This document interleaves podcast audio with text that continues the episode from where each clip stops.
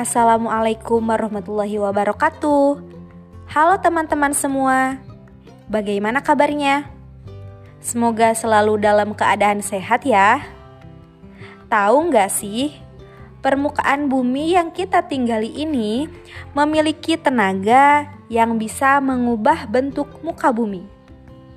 Nah, tenaga tersebut ada yang bersifat membangun dan ada juga yang bersifat merusak tenaga yang bersifat membangun dikenal dengan nama tenaga endogen. Tenaga ini bisa menghasilkan bentukan alam berupa relief di permukaan bumi. Lalu, tenaga yang bersifat merusak sering dikenal dengan nama tenaga eksogen. Pembahasan pada podcast kali ini saya akan membahas tenaga yang bersifat merusak, yakni tenaga eksogen, dan pengaruhnya terhadap kehidupan manusia. Selamat mendengarkan.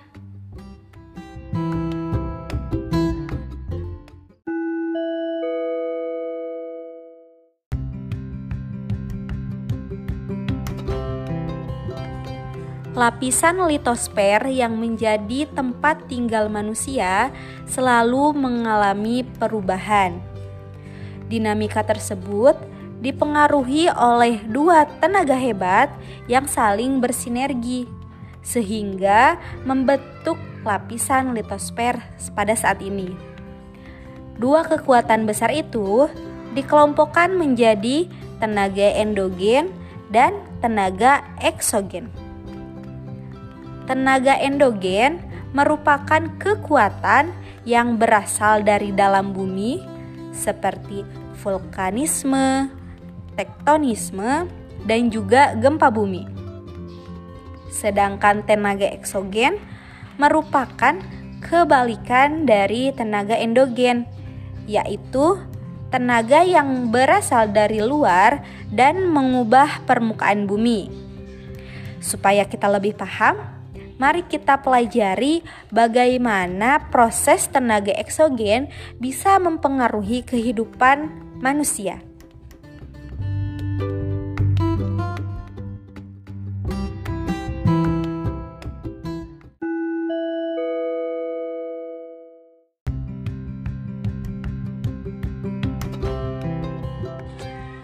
Tenaga eksogen adalah tenaga yang berasal dari luar yang sifatnya menghancurkan bentuk muka bumi. Sumber tenaga eksogen yaitu dari unsur cuaca dan iklim, air, serta organisme. Unsur cuaca dan iklim akan mempengaruhi proses pelapukan batuan. Adapun air akan mempengaruhi proses erosi dan pengangkutan bahan material sehingga diendapkan di suatu wilayah. Tenaga yang berasal dari luar ini meliputi pelapukan, erosi, mass wasting, dan juga sedimentasi. Nah, agar kita lebih paham proses tenaga eksogen, mari kita bahas satu persatu dari keempat fenomena tersebut. Yang pertama ada pelapukan. Pelapukan merupakan salah satu tenaga eksogen berupa penghancuran massa batuan oleh zat penghancurnya. Pelapukan ini dibedakan menjadi tiga jenis, yakni ada pelapukan mekanik, pelapukan kimiawi, dan juga pelapukan organik. Untuk bisa membedakan ketiga pelapukan tersebut, kita akan bahas satu persatu ya. Yang pertama, pelapukan mekanik. Pelapukan ini adalah proses pelapukan berupa penghancuran bongkah batuan menjadi bagian-bagian kecil tanpa mengubah kandungan unsur kimianya. Ingat ya, pelapukan mekanik tidak mengubah kandungan unsur kimia yang ada dalam batuan. Yang kedua, ada pelapukan kimiawi. Pelapukan kimiawi merupakan proses penghancuran batuan induk yang disertai dengan perubahan susunan kimiawi batuan dari batuan asalnya atau dari batuan induknya. Kalau tadi pelapukan mekanik tidak mengubah unsur kimia, kalau pelapukan kimiawi mengubah unsur kimia yang ada di batuan asalnya. Contohnya, proses pelarutan batu kapur yang menjadi e, batuan di daerah Kars. Yang ketiga, ada pelapukan organik. Pelapukan ini merupakan pelapukan batuan hasil pengerjaan makhluk hidup seperti tumbuh-tumbuhan, binatang, dan juga manusia. Aktivitas manusia dalam penambangan dan pengolahan lahan akan merusak permukaan tanah sehingga menimbulkan pelapukan organik. Fenomena kedua dari tenaga eksogen yakni erosi. Teman-teman semua mungkin sudah tidak asing ya mendengar kata erosi. Jadi, erosi ini adalah pengikisan batuan atau tanah oleh fluida berupa aliran seperti sungai, angin, gelombang laut, dan juga gletser. Berdasarkan tenaga pengikisan, erosi dibedakan atas erosi air, erosi gelombang laut atau abrasi, erosi angin atau deflasi, dan juga erosi gletser. Kita bahas satu persatu lagi ya. Yang pertama ada erosi yang disebabkan oleh air sungai. Air yang mengalir dengan cepat dan dengan debit air yang besar serta mengangkut berbagai benda padat akan menimbulkan pengikisan di hulu sungai. Maka terbentuklah lembah, ngarai, dan juga jurang-jurang yang dalam.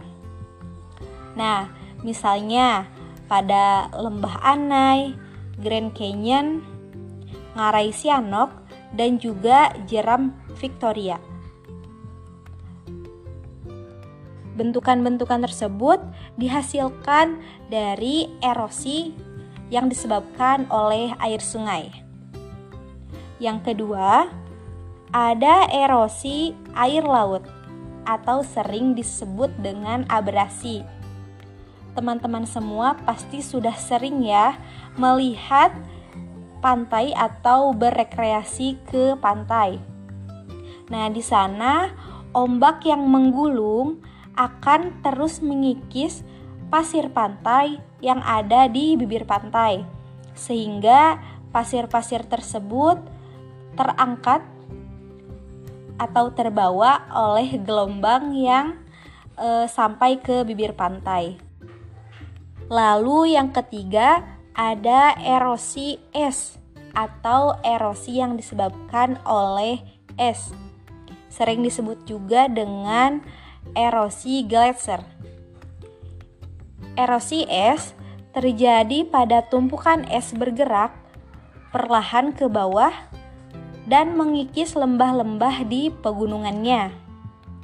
Arus es ini disebut juga dengan gletser, sehingga erosi yang disebabkan oleh tenaga es disebut dengan eksarasi, dan hasil endapannya disebut dengan moraine. Endapan, mohon maaf, erosi yang disebabkan oleh es itu terjadi di kutub utara dan juga kutub selatan. Yang selanjutnya ada erosi yang disebabkan oleh angin. Proses ini banyak terjadi di daerah yang agak kering, misalnya di gurun pasir. hasil-hasil perusakan yang sudah menjadi halus dan mudah sekali ditiup angin sehingga akan menjadi bukit pasir. Nah, bagaimana? Sudah paham belum? Mudah-mudahan paham ya. Lalu, faktor-faktor apa saja sih yang menyebabkan erosi? Nah, yang pertama itu ada iklim. Dalam hal ini, hujan. Hujan menjadi faktor utama penyebab erosi.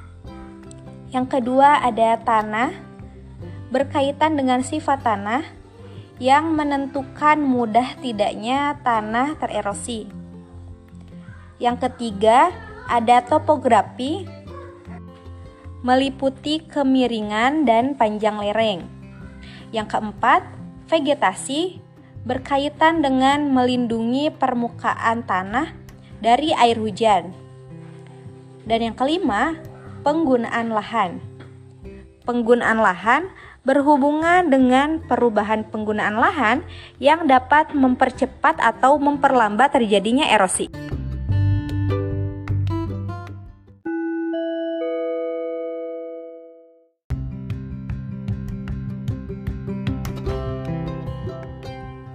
fenomena tenaga eksogen yang kedua adalah mass wasting.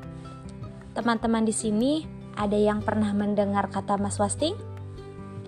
Mass wasting adalah proses pemindahan massa batuan dan tanah dalam jumlah yang sangat besar dikarenakan adanya pengaruh daya tarik bumi.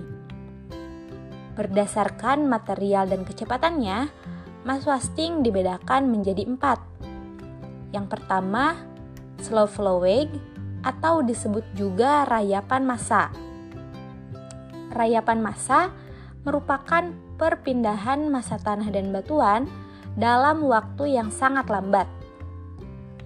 Peristiwa ini dapat diketahui dengan adanya tanda-tanda sekunder seperti mengenali pepohonan yang tumbuh membengkok atau melihat bangunan seperti tiang listrik tetapi berdiri dengan miring. Yang kedua ada rapid flow rate. Rapid flow rate yaitu perpindahnya massa batuan dan tanah yang cepat karena dibantu oleh aliran air tanah yang sudah jenuh. Yang ketiga ada slump Slum adalah peristiwa longsoran tanah yang gerakannya terputus-putus.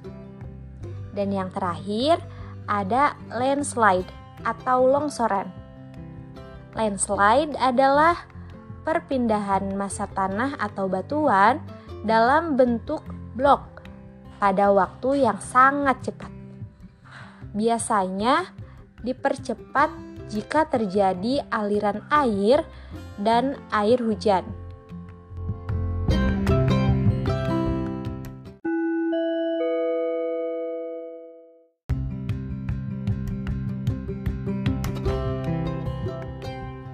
Tenaga eksogen yang keempat yakni sedimentasi. Sedimentasi adalah proses pengendapan massa batuan dan tanah di suatu tempat setelah mengalami erosi kemudian diangkut oleh aliran fluida. Sedimentasi umumnya terjadi di genangan banjir, bagian bawah kaki bukit, di saluran air, pesisir, sungai, laut, dan juga waduk. Semua batuan hasil pelapukan dan pengikisan akan diendapkan, dan lama-lama endapan tersebut akan berubah menjadi batuan sedimen. Hasil proses sedimentasi di berbagai tempat akan berbeda. Nah, proses sedimentasi ini dilakukan oleh beberapa tenaga. Yang pertama, sedimentasi yang dilakukan oleh air sungai batuan hasil pengendapan air disebut dengan sedimen akuatis. Sedimentasi dapat menyebabkan pendangkalan saluran air irigasi, badan air, danau, waduk, sungai, dan terbentuknya tanah-tanah baru di pinggir sungai dan di delta sungai. Sedimentasi memiliki dua sisi pengaruh, bisa menguntungkan dan juga bisa merugikan. Dari sisi menguntungkan, karena sedimentasi dapat meningkatkan kesuburan, kesuburan tanah di tanah endapan barunya. Akan tetapi, pada waktu bersamaan, sedimentasi juga dapat menurunkan kualitas perairan dan pendangkalan. Bentang alam hasil pengendapan air sungai antara lain ada Oxbow Lake, ada meander, ada tanggul sungai, dan juga delta. Selanjutnya adalah sedimentasi yang dilakukan oleh air laut. Batuan hasil sedimentasi air laut disebut sedimen marine. Pengendapan oleh air laut dikarenakan adanya gelombang bentang alam hasil pengendapan air laut antara lain ada tombolo, speed, pesisir, dan juga penghalang pantai. Pesisir merupakan wilayah pengendapan di sepanjang pantai. Biasanya terdiri atas material pasir. Komposisi material di pantai dan bentuk materialnya sangat bervariasi, tergantung pada kondisi arah angin, cuaca, dan juga arus laut. Arus pantai ini akan membawa material yang ada di sepanjang pantai, dan jika terjadi perubahan arah, maka arus pantai akan tetap mengangkut material-material laut yang lebih dalam. Ketika material masuk ke dalam laut, terjadi pengendapan material. Setelah beberapa lama, terjadi akumulasi material yang ada di atas permukaan laut. Akumulasi material ini disebut dengan speed. Jika arus pantai terus berlanjut, maka speed akan terus tumbuh memanjang. Kadang, speed ini terbentuk melewati teluk laut dan menjadi penghalang pantai. Apabila di sekitar Spit terdapat pulau dan pulau tersebut menyambung ke daratan karena adanya Spit, maka akan membentuk tombolo. Nah, selanjutnya ada sedimentasi yang disebabkan oleh angin. Sedimen hasil pengendapan angin disebut dengan sedimen aeolis.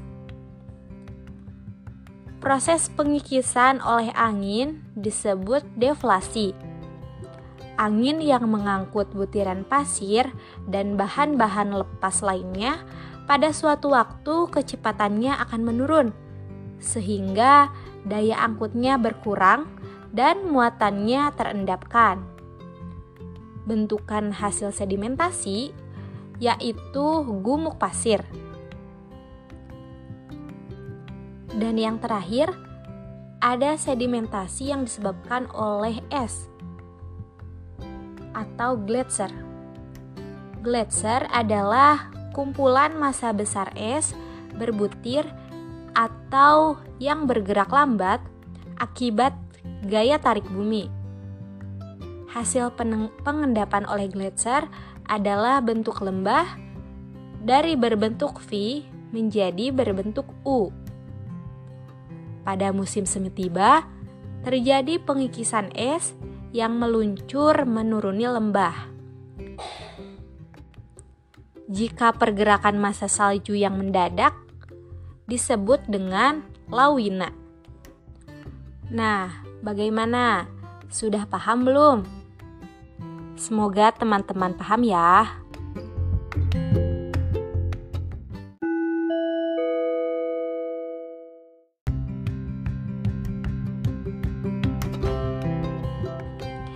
Lalu, bagaimana pengaruh tenaga eksogen bagi kehidupan manusia?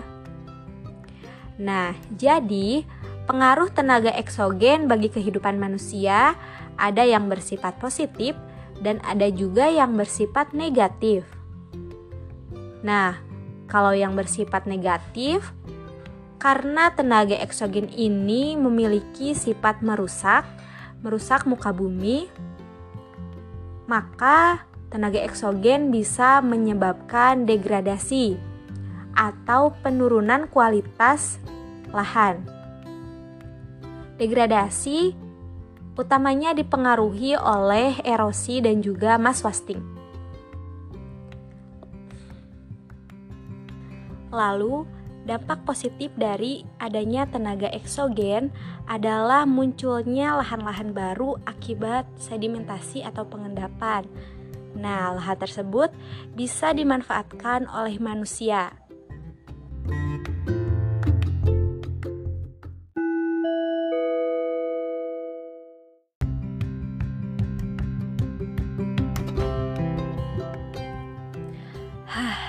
akhirnya selesai juga ya pembahasan kita pada kali ini. Semoga teman-teman semua bisa memahami apa yang telah saya jelaskan ya. Sampai jumpa di podcast selanjutnya. Wassalamualaikum warahmatullahi wabarakatuh.